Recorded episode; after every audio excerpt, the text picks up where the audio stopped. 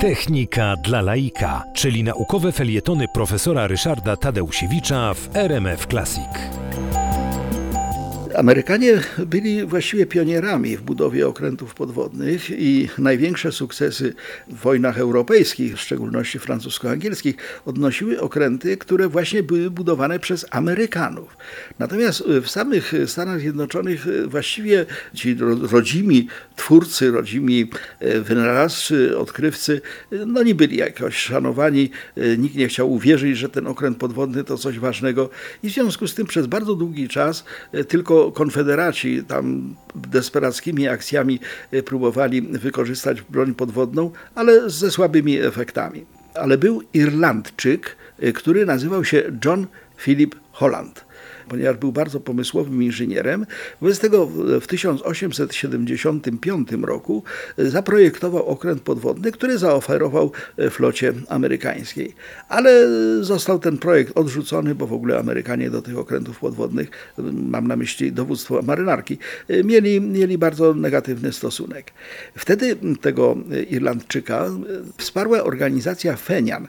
Organizacja Fenian to była organizacja Irlandczyków, którzy się wzajemnie popierali na gruncie amerykańskim. I w 1881 roku, dzięki poparciu tej organizacji Fenian, Holland zbudował e, swój pierwszy udany okręt podwodny. On się nazywał Fenian Ram, no bo właśnie był przez ten, to, to Fenian finansowany.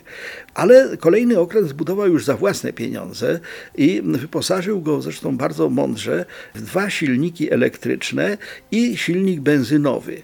Ten okręt miał już właściwie założenia takie jak nowoczesne nowoczesne okręty podwodne, spalinowy napęd na powierzchni i ładowanie akumulatorów, silniki elektryczne do napędu pod wodą.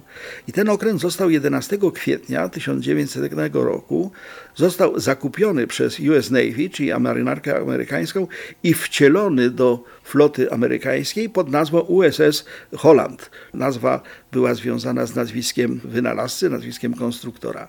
No, to spowodowało po pierwsze, że Holland dostał dodatkowe zamówienia, a poza tym budowę okrętów wzorowanych na tym, na tym okręcie Holanda podjęli potem Japończycy i Anglicy. Zbudowano na przykład w Japonii 24 okręty na wzór tych okrętów Holanda.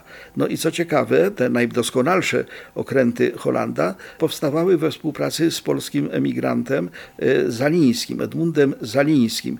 I wobec tego końcowe, te najlepsze okręty Holanda nazywały się Zaliński But, co warto wiedzieć.